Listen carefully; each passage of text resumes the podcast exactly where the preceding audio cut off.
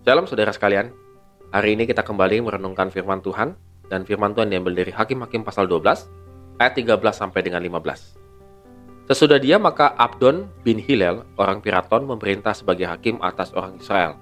Ia mempunyai 40 anak laki-laki dan 30 cucu laki-laki yang mengendarai 70 ekor keledai jantan. Ia memerintah atas orang Israel 8 tahun lamanya. Kemudian matilah Abdon bin Hilal orang Piraton itu, lalu dikuburkan di Piraton di tanah Efraim di pegunungan orang Amalek. Saudara sekalian, setelah Jefta, maka muncullah Abdon. Abdon ini dari uh, Piraton Efraim. Agak aneh ya, agak unik gitu ya. Jefta, kalau saudara ngikutin yang kemarin, Jefta itu memerangi suku Efraim dan mengalahkan suku Efraim. Tetapi the next daripada Hakim Jefta itu adalah Abdon dari suku Efraim.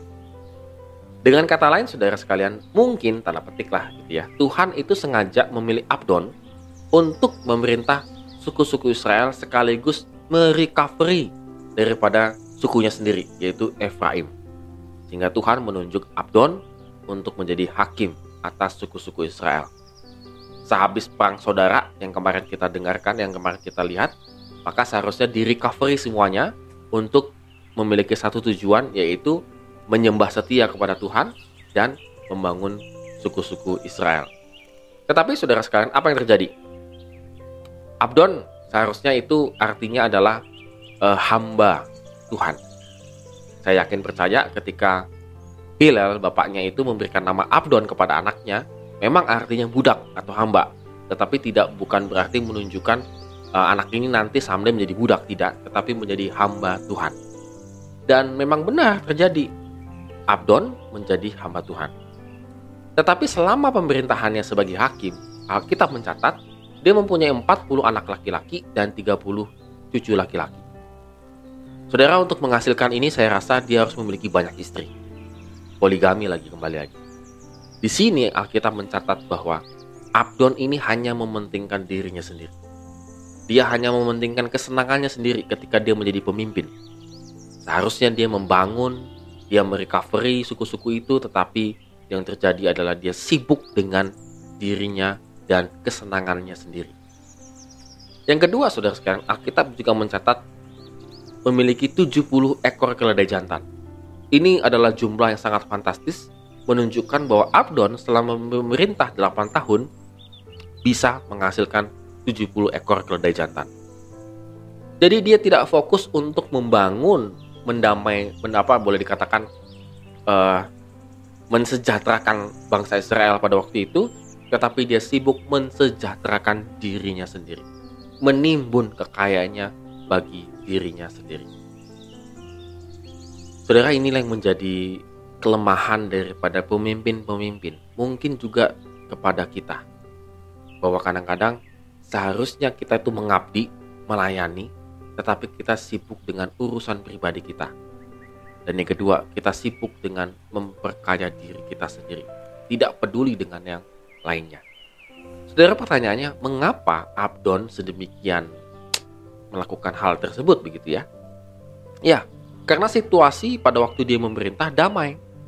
Karena Jefta telah berhasil mengalahkan musuh-musuh daripada Israel, maka ketika Abdon memerintah, semuanya serba damai. Artinya saudara sekalian, bahwa seharusnya pemerintahan Abdon ini enak begitu ya, dia sebagai hakim dia dalam posisi damai, dia bisa memajukan Israel. Tetapi tidak demikian.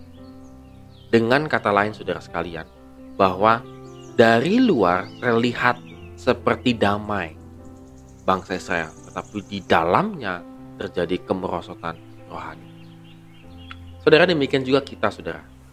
Kita dilihat dari luar kayaknya sih damai-damai aja ya keluarganya. Kayaknya sih damai-damai saja tuh pekerjaannya, bisnisnya. Kayaknya sih damai-damai saja tuh pelayanannya. Eh, tiba-tiba keluar, tiba-tiba bercerai, tiba-tiba dan lain sebagainya. Kenapa bisa demikian? Karena dalam hidup kita kita membangun kedamaiannya itu kedamaian palsu, Saudara. Di dalamnya terjadi kemerosotan rohani. Di dalamnya kerohaniannya tidak terbangun, seperti Abdon. Dari luar kelihatannya sukses memimpin bangsa Israel. Begitu ya. Karena dilihat dari pemimpinnya yang kaya, makmur, pasti rakyatnya makmur. Apalagi situasinya damai.